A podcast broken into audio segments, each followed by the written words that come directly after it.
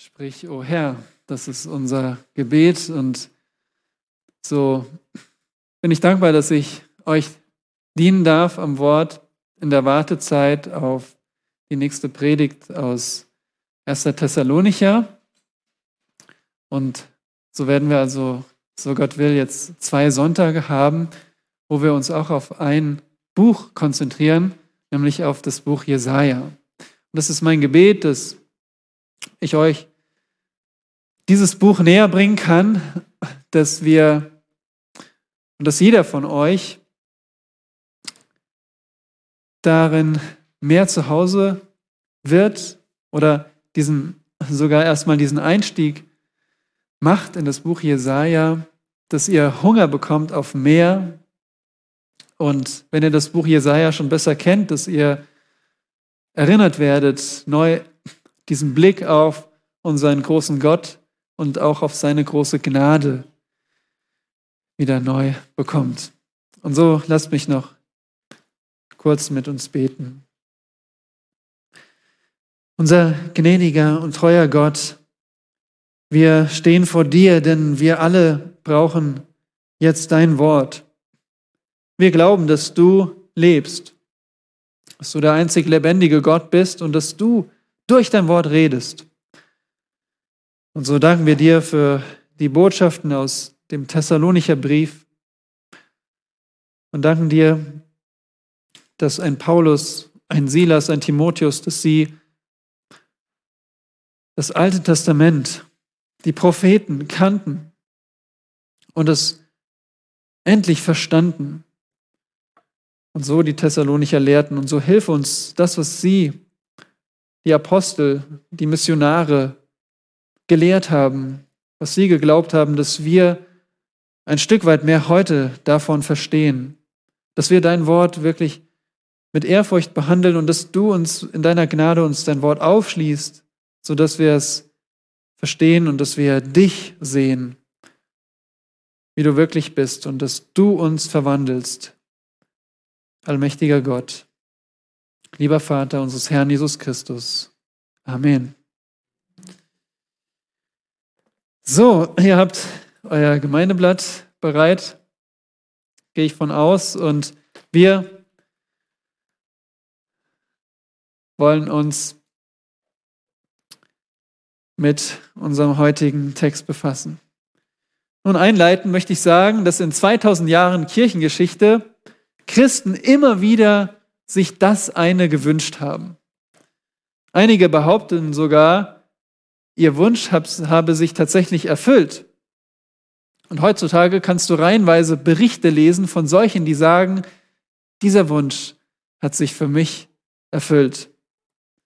Vielleicht hast du auch selbst schon mal diesen Wunsch gehabt, aber von welchem Wunsch rede ich eigentlich?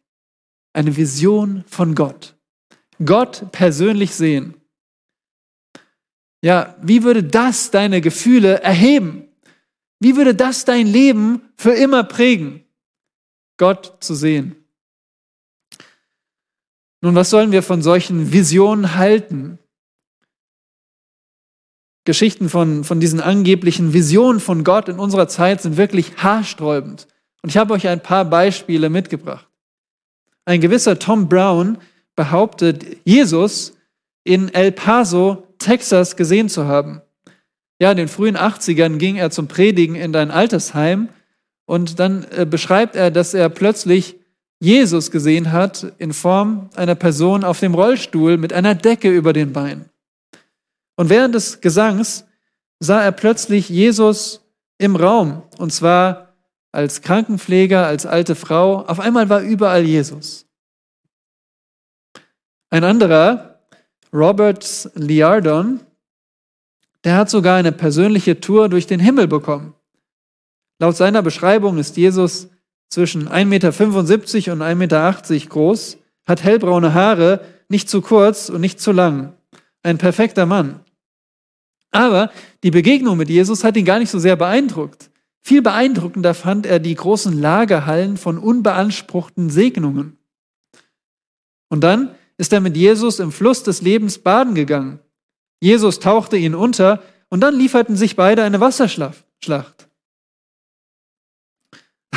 Aber es wird noch heftiger. Liardon beschreibt äh, eine andere Begegnung im Wohnzimmer. Er guckte gerade eine Fernsehserie. Und er sagt, Jesus betrat das Haus, setzte sich neben ihn aufs Sofa und der Fernseher ging, ging aus. Jesus gab ihm eine persönliche Botschaft und verschwand. Und wisst ihr, was er dann gemacht hat? Er hat einfach weiter Fernsehen geschaut. Nun, wir, wir können nur so traurig darüber lachen, irgendwie, wenn das geht. Aber warum sollten wir uns überhaupt darum kümmern? Ist das nicht egal, wie Menschen sich Gott vorstellen? Ist es nicht egal, was sie oder was wir für ein Bild vor Augen haben, wenn wir an Gott denken? Nein, es ist überhaupt nicht egal, weil dein Gottesbild ist so entscheidend. Denkt einmal an das zweite Gebot. Wie heißt das zweite Gebot von den zehn Geboten? Du sollst dir kein Bildnis machen und es an, anbeten. Du sollst dir kein, kein Gott schnitzen nach deinen eigenen Vorstellungen. Und auch wenn wir darüber lachen, wenn, wenn Leute sich vor einem Stück Holz niederwerfen, so können wir in unseren Gedanken leicht uns ein Gottesbild machen, das falsch ist, das nicht der Realität entspricht. Denkt an die vielen Warnungen vor Götzendienst. Genau das tun wir, wenn wir einen falschen Gott uns vorstellen. Was haben Christen mit Götzen noch zu tun? Erinnert euch an 1. Thessalonicher 1, Vers 9, wo steht, denn sie selbst erzählen von uns, welchen Eingang wir bei euch gefunden haben und wie ihr, Thessalonicher, euch von den Götzen zu Gott bekehrt habt um dem lebendigen und wahren Gott zu dienen. Also, wenn du ein Christ bist, dann trifft das auf dich zu. Du hast dich ein für alle Mal von den Götzen bekehrt, um dem lebendigen Gott zu dienen. Und so haben wir nichts mehr mit falschen Vorstellungen von Gott zu tun und wir dienen Gott. Gottesdienst. Deswegen sind wir doch heute hier. Aber Gottesdienst ist nicht nur sonntags. Gottesdienst ist unser ganzes Leben. Jeder Lebensbereich ist Gottesdienst. Du gehst zur Schule für Gott. Du studierst für Gott. Du arbeitest für Gott. Du arbeitest zu Hause für Gott.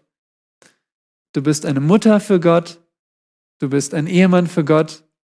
Du bist ein Rentner für Gott. Ja, dein neuer Lebenssinn ist es, deinem Schöpfer aus Liebe zu dienen. Aber es gibt keinen richtigen Gottesdienst ohne das richtige Gottesbild. Und deswegen ist das so wichtig, was wir uns jetzt gleich ansehen. Nämlich du musst Gott sehen, wie er wirklich ist. Aber nicht mit deinen tatsächlichen Augen, wie diese haarsträubenden Geschichten, Du musst ihn nicht mit deinen Augen jetzt sehen, sondern mit deinem geistlichen Verständnis. Und das können wir tun, indem wir die Bibel aufschlagen. Und da lesen wir von mehreren Menschen in der Schrift, die eine Vision von Gott gesehen haben. Zum Beispiel der Prophet Micha oder der Prophet Hesekiel, auch der Prophet Daniel und der Apostel Johannes und der Prophet Jesaja. Und deswegen schlagen wir jetzt Jesaja auf. Ihr könnt es in euren Bibeln finden. Jesaja ist ziemlich lang und hier immer noch so recht nicht weit von der Mitte entfernt. Da finden wir Jesaja. Und ich habe euch versprochen, ich möchte, dass ihr alle den Propheten Jesaja besser kennenlernt. Und deswegen findet ihr auch auf dem Gemeindeblatt ein paar einleitende Worte, die wir dann nächste Woche fortführen, damit ihr Jesaja kennenlernt. Nun, jemand hat mal gesagt, Jesaja ist wie eine kleine Bibel. Warum? Naja, Jesaja hat 66 Kapitel. Und wie viele Bücher hat die Bibel nach unseren, nach unserer Sortierung? 66 Bücher. Aber gut, das ist ja nicht inspiriert. Aber doch ist es interessant, dass die Bibel, dass die Bibel ja zwei Teile hat. Ich schlage das mal auf. Hier Matthäus, das erste Buch im Neuen Testament für uns. Also das, das hier ist Altes Testament, der erste Teil. Und da geht es vor allem um Gottes Erwartung an uns Menschen und wie die Menschen versagt haben und deswegen Gottes Strafe verdienen. Und dann im Neuen Testament geht es vor allem darum, wie Gott Gnade zeigt in Jesus Christus für solche, die Strafe verdient haben. Zwei Teile. Nun auch Jesaja hat diese zwei Teile. Die ersten 39 Kapitel, so wie unsere 39 Bücher des Alten Testaments, die fokussieren sich auf das Gericht an dem Volk. Und dann ab Jesaja 40 bis zum Ende geht es vor allem um diese Gnade, um das Heil Gottes. Und so ist also Jesaja eine kleine Bibel mit diesen zwei Teilen von Gericht und Gnade. Aber noch mehr. Jesaja ist auch noch aus anderer Sicht besonders. Natürlich wegen dieser Vision in Jesaja 6. Und diese Vision hat Jesaja am Anfang seines Dienstes. Stellt euch vor, er war über 40 Jahre Prophet. Über 40 Jahre. Er hat also vier verschiedene Könige erlebt in diesem Südland, Südreich, Juda genannt. Und da ging es politisch und geistlich bergab für das Volk. Und in dieser schwierigen Zeit hat Jesaja gedient und am Anfang seines Dienstes hat er diese atemberaubende und lebensverändernde Vision. Und lasst uns die jetzt gemeinsam lesen. Jesaja 6, 1 bis 7.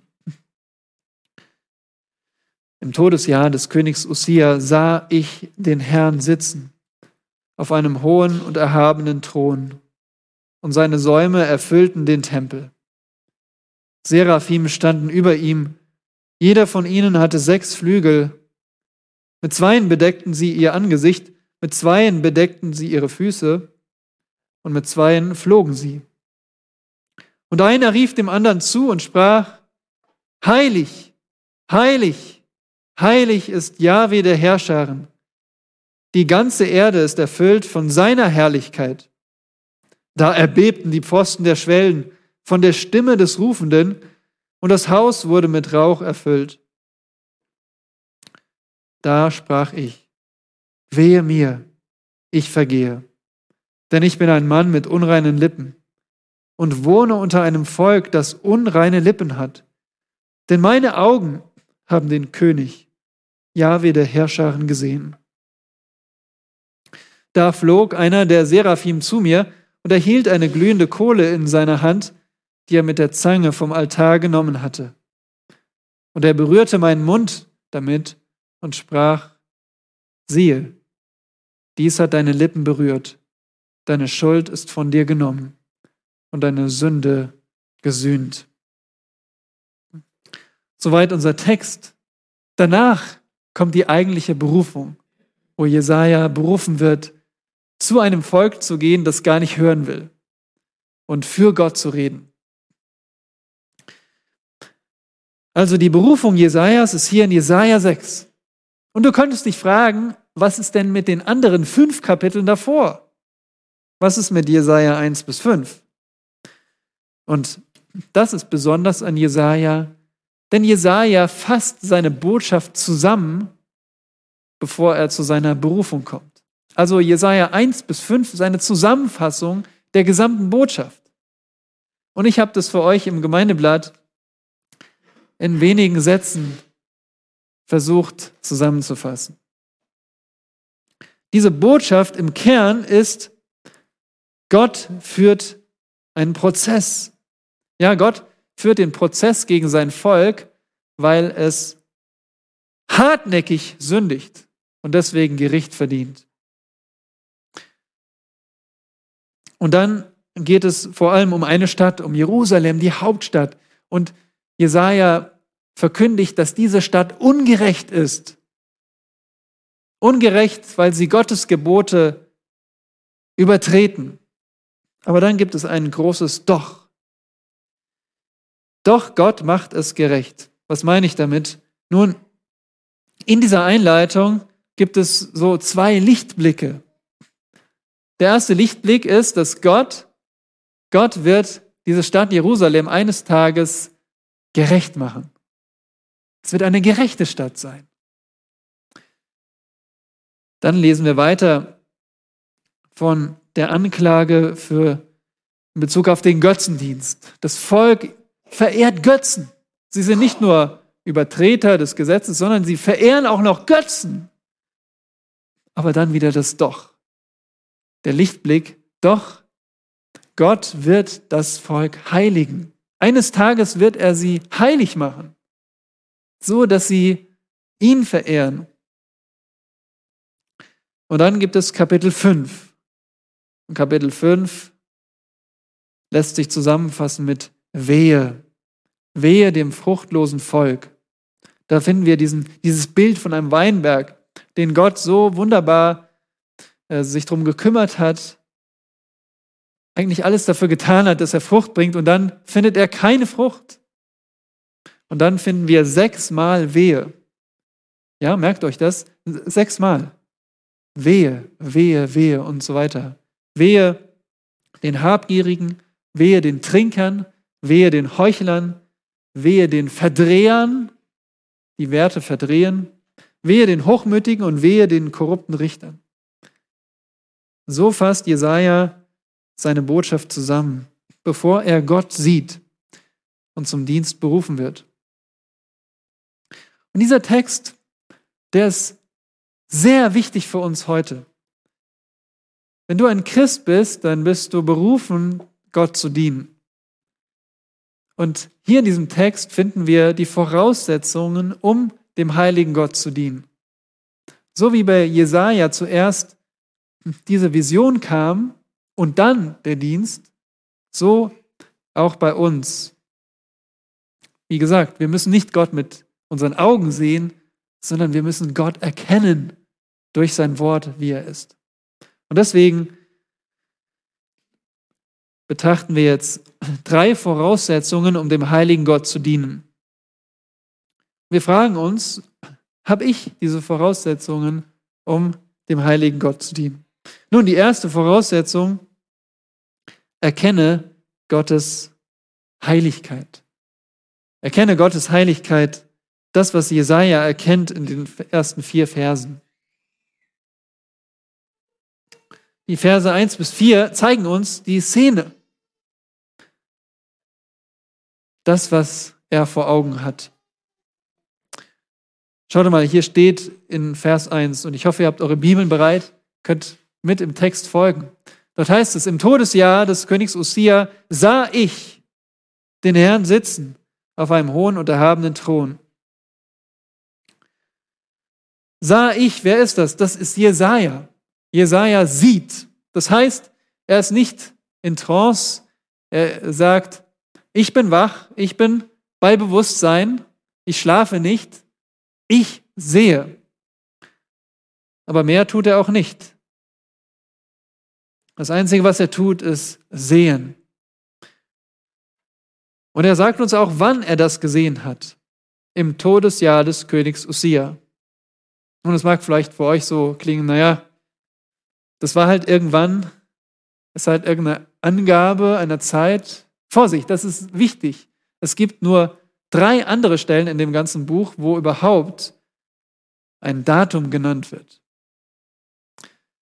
Das ist hier besonders und es hat auch eine besondere Bedeutung, wenn wir uns überlegen, wer Ussia war. König Ussia. Ihr könnt darüber nachlesen, dass er ein König war, der Recht tat. Er war ein guter König. Er hat das Königreich befestigt er hat Kriege geführt und gesiegt, aber am Ende seines Lebens die Tragödie. Er maßte sich an, in den Tempel zu gehen, in das Heiligtum zu gehen und Weihrauch zu opfern. Aber das ist nicht genug. Man könnte ja sagen, der wusste es nicht besser. Ha, da waren 80 Priester, die ihm gesagt haben, tu es nicht. Sie haben ihn versucht zu warnen, aber er ging weiter in das Heiligtum. Und was geschah? Gott schlug ihn mit dem Aussatz. Das, was wir vorhin gelesen haben, Aussatz. Er wurde aussätzig bis zu seinem Tod. Elf Jahre lang musste er getrennt von allen Menschen wohnen, bis er starb. Und jetzt sagt Jesaja, ich sah den Herrn im Todesjahr des Ussia. Das erinnert uns daran, wie ernsthaft Gottes Heiligkeit ist. Mit Gottes Heiligkeit können wir nicht spaßen. Daran erinnert uns dieses Datum im Todesjahr Ussias. Jesaja sagt, da sah ich den Herrn sitzen. Er sieht den Herrn. Wie nennt er ihn noch? Wir sehen in Vers 5, er sagt er den König. Wer ist der König? Der Herr in Großbuchstaben, Yahweh. Er sieht Gott als Person auf einem Thron sitzen. Gott als Person auf einem Thron.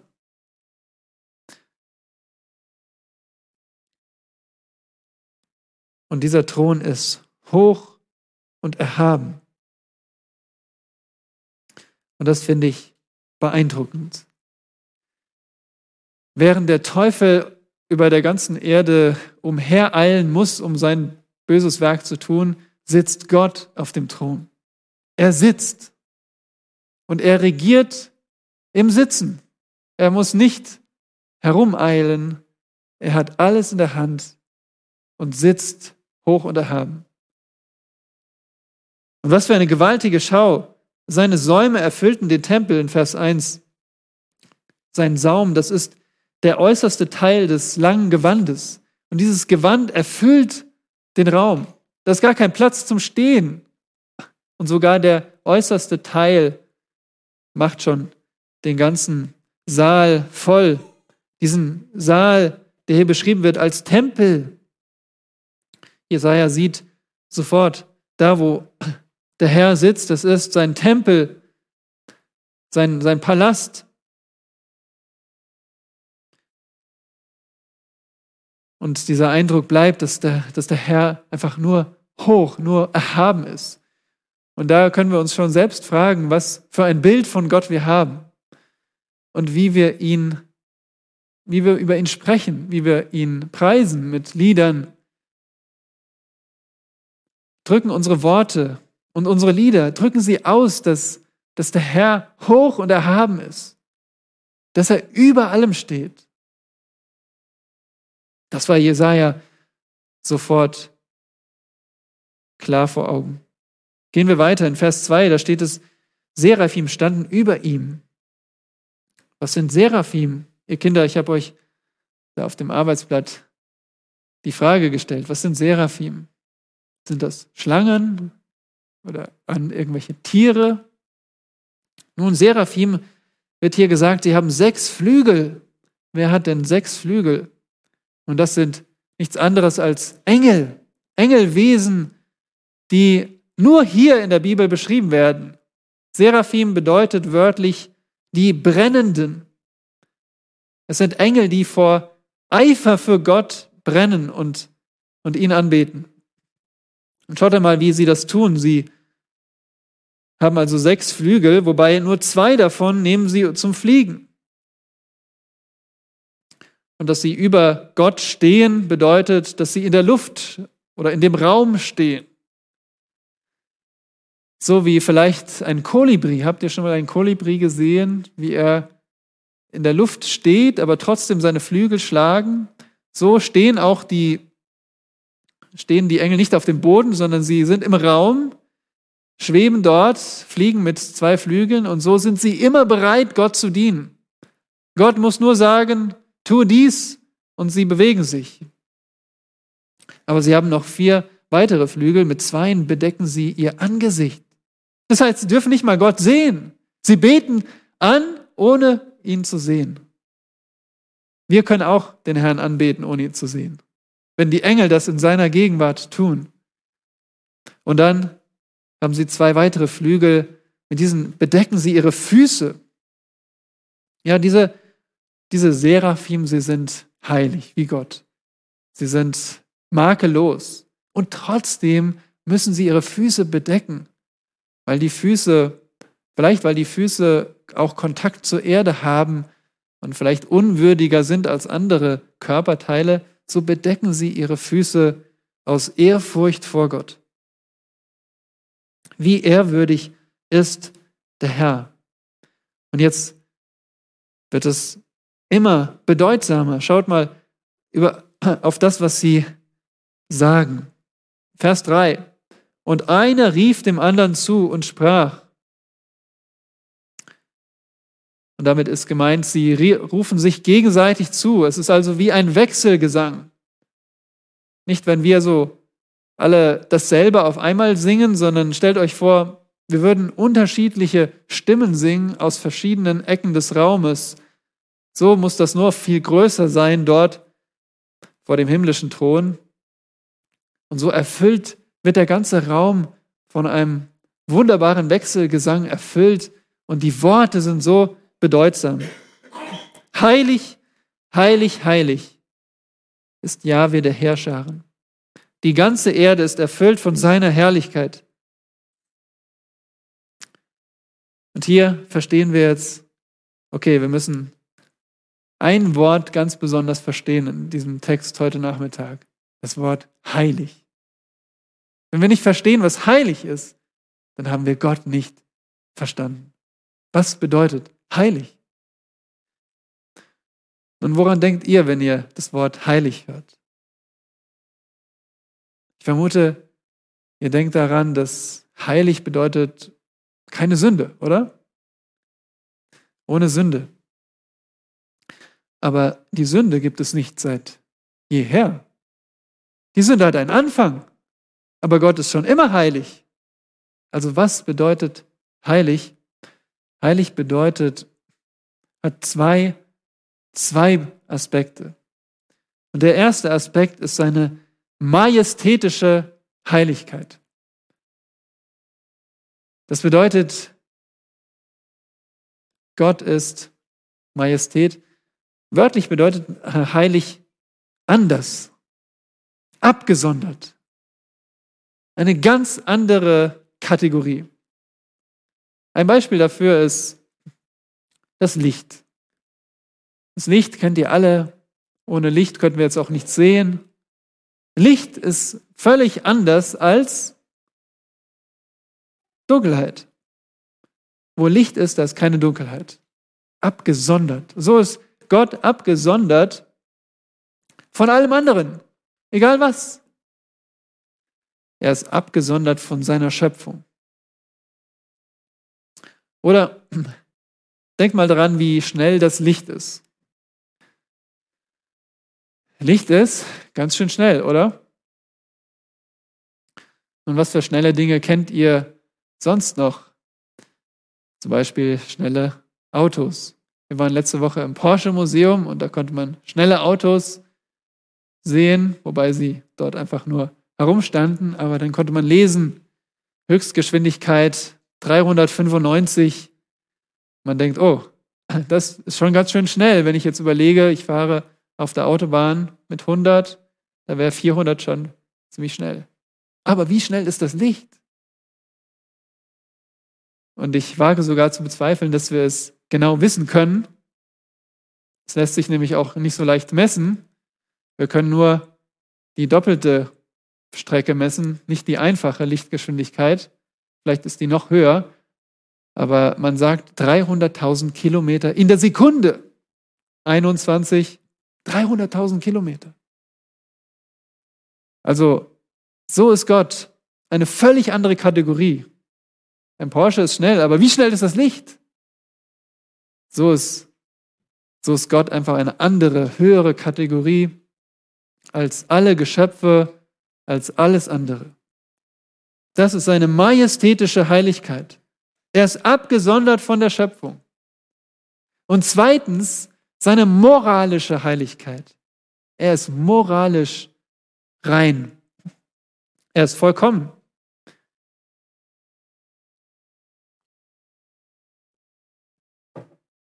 Das ist, woran ihr vermutlich auch meist als erstes denkt, dass er rein ist von Sünde, dass bei ihm nichts Böses ist, dass er Licht ist und in ihm ist keine Finsternis. Das bedeutet heilig. Und jetzt sagen die Engel, heilig, heilig, heilig. Und damit betonen sie das und sagen, du bist vollkommen heilig. Du bist vollkommen heilig. Jahwe der Herrscharen. Und das ist sein Name, der ich bin. Und sie sagen, die ganze Erde ist erfüllt von seiner Herrlichkeit.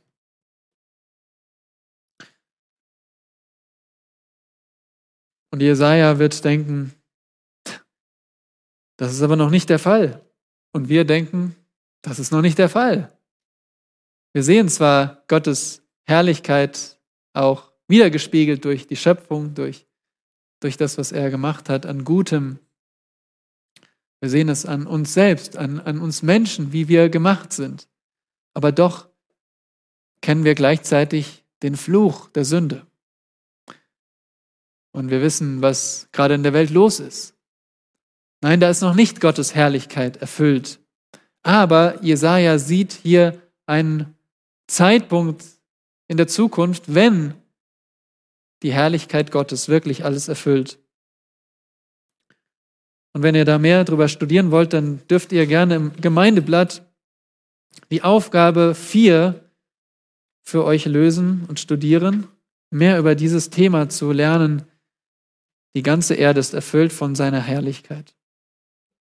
Wir gehen weiter zu Vers 4 und schließen diese Szene ab. Und da sehen wir, dass die Pfosten der Schwelle erbebten von der Stimme des Rufenden. Also diese Seraphim, diese Engel rufen und plötzlich gibt es ein Erdbeben. Was hier die hebräischen Worte beschreiben, ist einen massiven Stein, der die Türschwelle darstellt. Und in diesem Stein sind solche, solche Hohlräume, also solche Löcher, wo man dann die Pfosten einsetzen kann. Und dieser Stein, der ganz unten liegt, dieser Stein erbebt von der Stimme dieser Engel.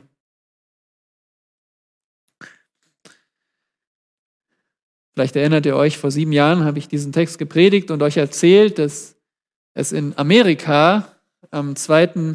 Dezember 2013 einen Lärmrekord gab. Vielleicht wurde der mittlerweile schon gebrochen, aber da haben 67.000 Football-Fans der Seattle Seahawks, einem Footballteam, die haben einen Lärmrekord aufgestellt. Die haben so laut gejubelt und gekrischen, dass es also ein kleines Erdbeben gab. Man konnte das dann auf der Richterskala mit Stärke 1 bis 2 messen. Nun, eins bis zwei ist aber nicht wirklich spürbar. Kein, kein großes Erdbeben. Wie viel mehr muss dann diese Energie sein, die diese Engel aufbringen, um so zu rufen, dass der, dass der Boden bebt? Das zeigt uns, wie gewaltig diese Botschaft ist. Gott ist heilig. Und dann wird noch das Haus mit Rauch erfüllt. Das bedeutet, äh, dieser Rauch steht für Gottes Gegenwart als ein, ein plastisches Symbol, dass Gott alles erfüllt, dass er überall ist. Das ist diese Vision, die Jesaja sieht. Und du und ich, wir müssen auch erkennen, wem wir dienen. Damit beginnt die Voraussetzungen zum Dienst, dass wir erkennen, wen wir, mit wem wir es zu tun haben. Und jetzt kommt noch eine erstaunliche Sache für euch. Schaut mal in Johannes Kapitel 12. Schlagt mal Johannes 12 auf. Und da seht, lest ihr von dem Ende von Jesu Dienst. Der Herr Jesus Christus hat immer wieder gepredigt, geduldig gepredigt und aufgerufen, Buße zu tun und an ihn zu glauben. Aber er hat so viele Zeichen getan, Sie glaubten nicht an ihn, heißt es in Johannes 12, Vers 37. Sie glaubten nicht an ihn. Und dann heißt es in Vers 38, damit das Wort des Propheten Jesaja erfüllt würde. Und dann wird zitiert aus Jesaja 53. Vers 39. Darum konnten sie nicht glauben, denn Jesaja hat wiederum gesprochen. Zitat: Er hat ihre Augen verblendet und ihr Herz verhärtet, damit sie nicht mit den Augen sehen, noch mit den Herzen verstehen und sich bekehren und ich sie heile. Ein Zitat aus Jesaja, Kapitel 6. Jetzt ist also der Schreiber hier in Jesaja 6. Und jetzt Vers 41. Dies sprach Jesaja, als er seine Herrlichkeit sah und von ihm redete. Naja, das wissen wir doch schon. Jesaja sah Gottes Herrlichkeit. Aber wer ist hier gemeint mit ihnen? Vers 42. Doch glaubten sogar von den Obersten viele an ihn. Wer ist hier gemeint mit ihnen? Der Herr Jesus Christus. Das heißt, Jesaja sieht unseren Herrn Jesus Christus auf dem Thron. Den Sohn Gottes. Unser Herr. Er ist es, den wir gerade in den letzten Minuten betrachtet haben. Er ist so erhaben. Er wird von den Seraphim gepriesen. Er ist so bedeutsam, dass alles mit Rauch erfüllt wird und die Erde bebt. Wie bewusst ist dir das, dass dein Herr dieser erhabene König ist? Erkenne Gottes Heiligkeit. Und wie weißt du, dass du die Heiligkeit Gottes begreifst? Nun, zweitens, wenn du deine eigene Sünde erkennst. Die zweite Voraussetzung, um Gott zu dienen, ist, bekenne deine Sündhaftigkeit. Bekenne deine Sündhaftigkeit. Das ist, was jetzt folgt in Jesaja 6, Vers 5. Jesaja spricht. Und er spricht, wehe, das ist das siebte Wehe. Er reiht sich ein, er reiht sich ein in diese Weherufe. Erinnert ihr euch noch, was ich gesagt habe? Jesaja 5 verurteilt die Trinker, die Habgierigen, die Heuchler. Und jetzt sagt Jesaja, wehe mir. Wehe mir. Jesaja ist doch gar kein Trinker. Er ist doch gar kein habgieriger. Nun, Jesaja sagt, wehe mir. Damit verurteilt, verurteilt er sich selbst. Und dann gibt er drei Gründe, drei Gründe, warum er verurteilt ist. Drei Gründe. Das erste ist, er sagt, ich vergehe. Wörtlich bedeutet das, ich muss verstummen. Ich muss schweigen. In anderen Worten, ich habe nichts zu entgegnen. Ich sehe Gott in seiner Heiligkeit und ich kann gar nichts zu meiner Verteidigung sagen. Ich bin einfach nur schuldig vor diesem heiligen Gott. Zweitens sagt er, ich bin ein Mann mit unreinen Lippen. Nun, was meint er damit? Wir kennen das bei Kindern, wenn sie ein Nutella-Brötchen essen, dann sind ihre Lippen auf einmal vollgeschmiert. Meint er das? Meint er, dass er schmutzige, einen schmutzigen Mund hat? Nein. Er sagt, ich habe unreine Lippen. Ich höre hier die Engel, wie sie Gott preisen, aber ich kann nicht einstimmen. Was, was aus meinen Lippen kommt, ist nicht heilig. Warum nicht? Wie der Herr Jesus sagte, was, wovon der Mund spricht, ja, was aus dem Herzen kommt, das redet der Mund. Aus dem Inneren kommen hervor die unreinen Worte. Denkt daran, was, was tun wir mit unseren Lippen. Oh, wie viel haben wir schon gesündigt mit unseren Lippen. Wie viele Lügen, wie viele Halbwahrheiten. Wie haben wir Hass mit falscher Freundlichkeit übertüncht? Wie haben wir falsche Versprechen gegeben? oder etwas versprochen und wussten schon vorher, wir wollten es brechen. Wie haben wir unseren Freund schlecht dargestellt, unseren Ehepartner schlecht dargestellt? Wann haben wir Geheimnisse ausgeplaudert? O Geschwister, wie unrein sind auch unsere Lippen. Jesaja erkennt das. Er weiß, dass sein Herz das Problem ist. Aus dem Herzen kommen unreine Worte. Aber er sieht sich auch nicht nur allein. Er sagt, ich wohne unter einem Volk, das unreine Lippen hat.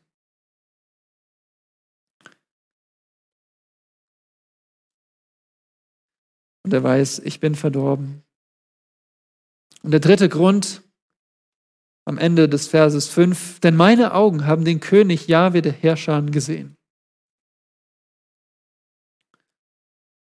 Warum ist das ein Problem? Nun, Gott in seinem Wesen ist unsichtbar. Keiner kann Gott sehen. Jesaja sieht hier den Herrn in seiner Ausstrahlung, in seiner sichtbaren Ausstrahlung. Und schon im Gesetz Mose steht in 2. Mose 33, dass kein Mensch Gott sehen darf und am Leben bleiben darf. Und damit ist gemeint kein vergänglicher, kein sündiger Mensch. Aber Jesaja ist so ein Mensch. Und jetzt sieht er den König, sieht Gott mit seinen Augen. Und er weiß sofort, ich bin des Todes.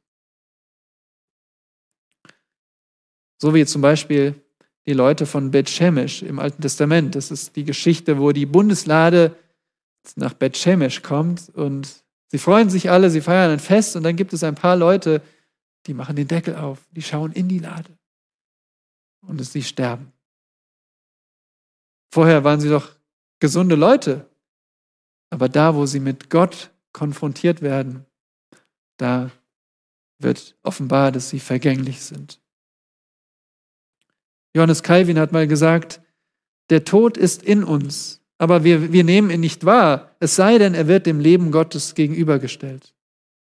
Geschwister, wir sind hier und es geht uns scheinbar gut, aber wir sind alle vergänglich. Und wenn wir mit Gott in Berührung kommen, dann sind wir des Todes. Und das merkt Jesaja. Und deswegen ist er, ist er am Ende. Er ist geliefert. Aber er ist uns ein Vorbild, indem er seine Sündhaftigkeit bekennt. Nun, die Frage an uns ist, woran messen wir unser Leben? Wie verteidigst du deine Sünde? Wie entschuldigst du dich, dass du doch gar nicht anders konntest? Jesaja, Jesaja gibt keine Entschuldigung. Und er ist auch nicht einen Millimeter zu weit gegangen. So sind wir vor Gott. Wir sind verloren.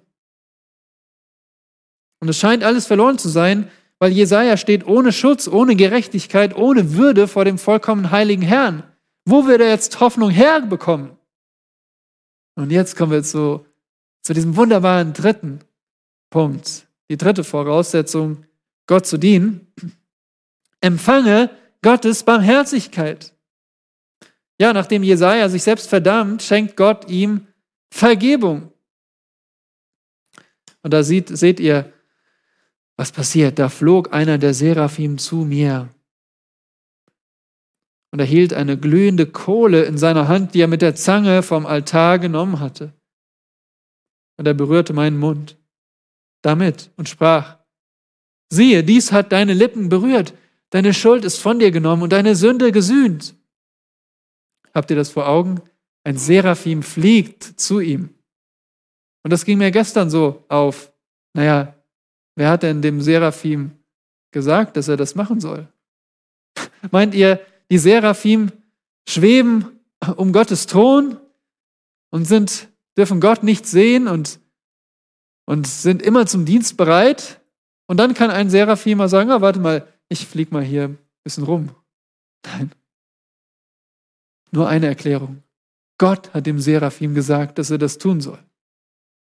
Versteht ihr, was darin für eine Bedeutung liegt? Gott wollte das. Gott wollte dem Jesaja diese Vergebung schenken. Und wie passiert das? Nun, ein Seraphim nimmt eine Kohle von einem Altar, vermutlich ein Räucheraltar im Heiligtum, und er bringt diese, diese glühende Kohle, die er nicht mal anfassen darf, die also weiß ist vor Glut, und dann berührt er seinen Mund. Aua! Das muss doch schmerzhaft sein. Aber wir lesen nichts davon. Wir lesen nichts davon, dass Jesaja jetzt auf einmal nicht mehr reden kann. Schaut mal in Vers 8, da kann er sprechen. Da sagt er, hier bin ich, sende mich. Das heißt, diese Kohle hat ihn gar nicht verletzt. Diese Kohle war nur ein Symbol. Ein Symbol, so wie, wie Brot und Saft Symbole sind. Da ist keine Vergebung drin, da ist keine Heilung drin. Das ist ein Symbol für etwas anderes. Ein Symbol für Gottes Vergebung. Für, also besser gesagt, für Gottes Reinigung, okay? Gottes Reinigung. Ich muss mich korrigieren. Die, die Kohle ist ein Symbol für Gottes Reinigung, dass Gott den Jesaja reinmachen muss. Und das, wie passiert das? Nun, das passiert so. Er berührte meinen Mund damit und sprach.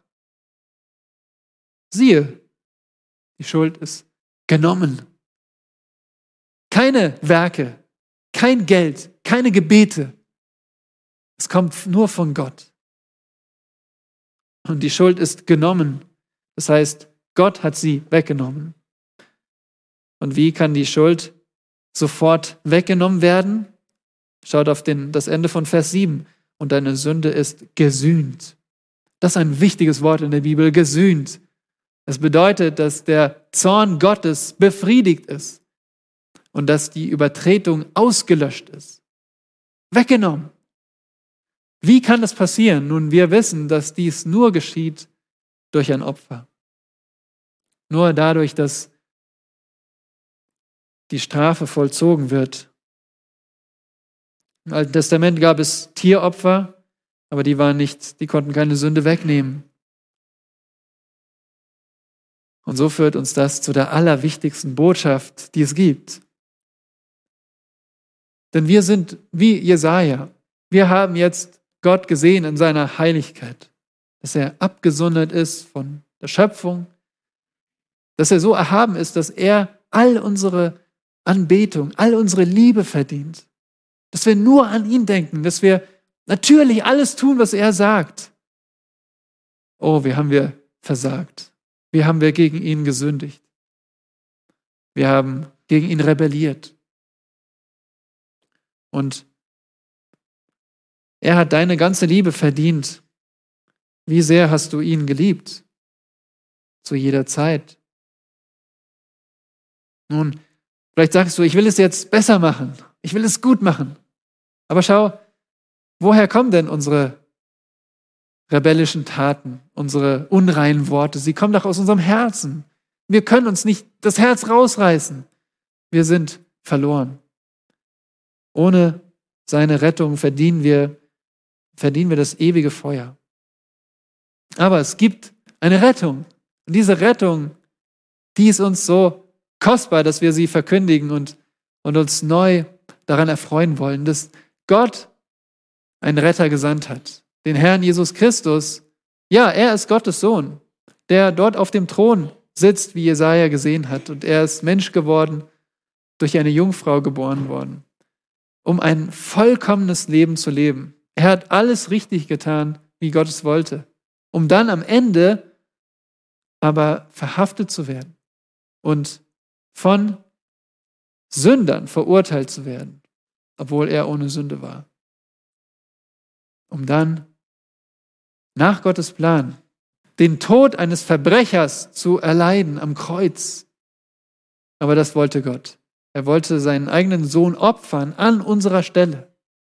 Seinen ganzen Zorn auf seinen Sohn werfen, damit die Schuld beglichen wird.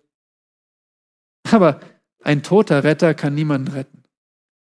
Und darum feiern wir, dass der Herr Jesus Christus auferstanden ist am dritten Tag dass er aufgefahren ist. und dass er jetzt auf dem Thron sitzt. Und jetzt ist die Zeit, auf seinen Befehl zu hören. Er befiehlt dir, tu Buße und glaube an ihn. Jetzt ist die Zeit, deinem eigenwilligen Leben Lebewohl zu sagen und sich dem Herrn Jesus Christus anzuvertrauen und an ihn zu glauben. Er sagt dem Herrn Jesus Christus, was du für ein Sünder bist. Und er nimmt Sünder an. Nimm kein Blatt vor den Mund. Sag ihm wie Jesaja, wie es um dich steht, dass du ganz und gar verloren bist. Aber schau, welche Barmherzigkeit der hohe und erhabene König hat Barmherzigkeit für diesen armen Jesaja. Jesaja, der war so gebildet, der gebraucht über 2000 unterschiedliche hebräische Wortstämme in seinem Buch. Der hatte Zugang zum König. Der hatte ein gutes Elternhaus. Alles nichts. Wertlos. Er brauchte Gottes Barmherzigkeit. So brauchst du Gottes Barmherzigkeit in Jesus Christus. Und die ihr Jesus Christus kennt als Erlöser, wie ist es für euch? Wie, wie ist es für euch, wenn ihr so durch den Tag geht? Ist das schon automatisch so? Ich bekenne meine Sünde und Gott vergibt mir. Wie sehr schätzen wir diese Barmherzigkeit, dass Gott uns vergibt. Es ist ein Wunder. Es ist jedes Mal ein Wunder, wenn wir unsere Sünden bekennen, dass er treu und gerecht ist, uns zu vergeben.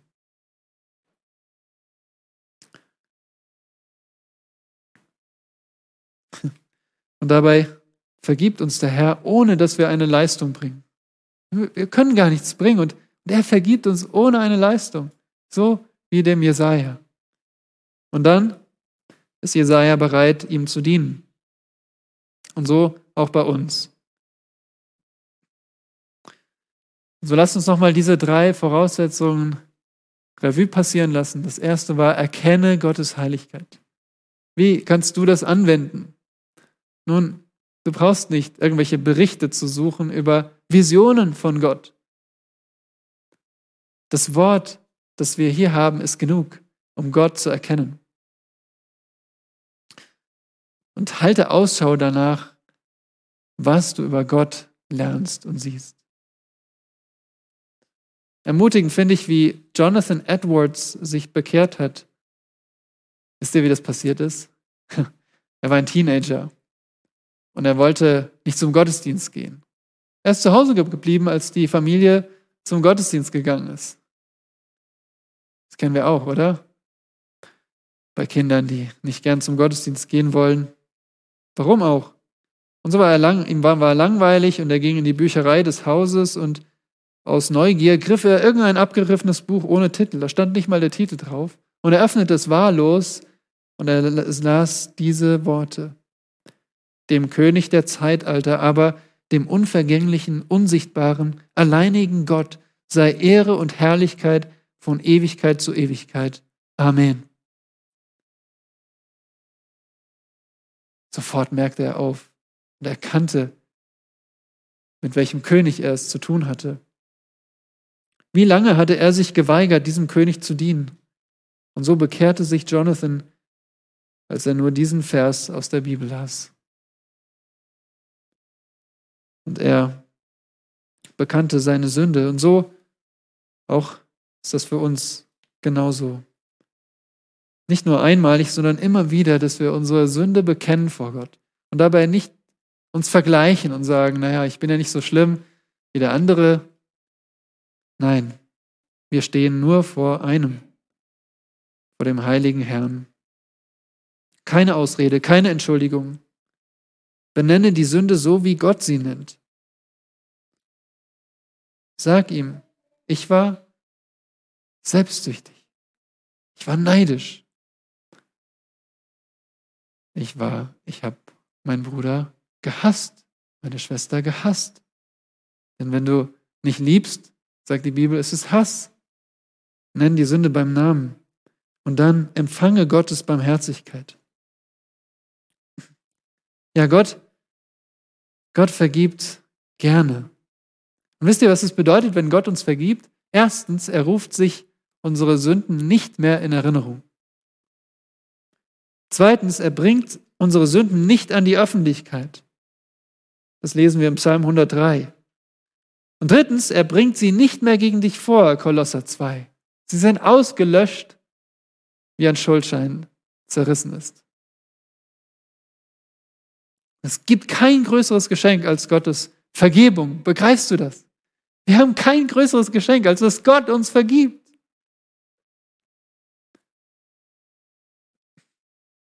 Und dann bist du bereit, ihm zu dienen. Also wenn wir Gottes Heiligkeit gesehen haben, unsere Sünde bekannt haben und seine Barmherzigkeit empfangen haben, dann sind wir bereit, Gott zu dienen. Und das allein wird uns auch durchhalten lassen. Alles andere, jede andere Motivation wird am Ende nicht ausreichen. Aber das wird uns bis zum Lebensende durchhalten lassen.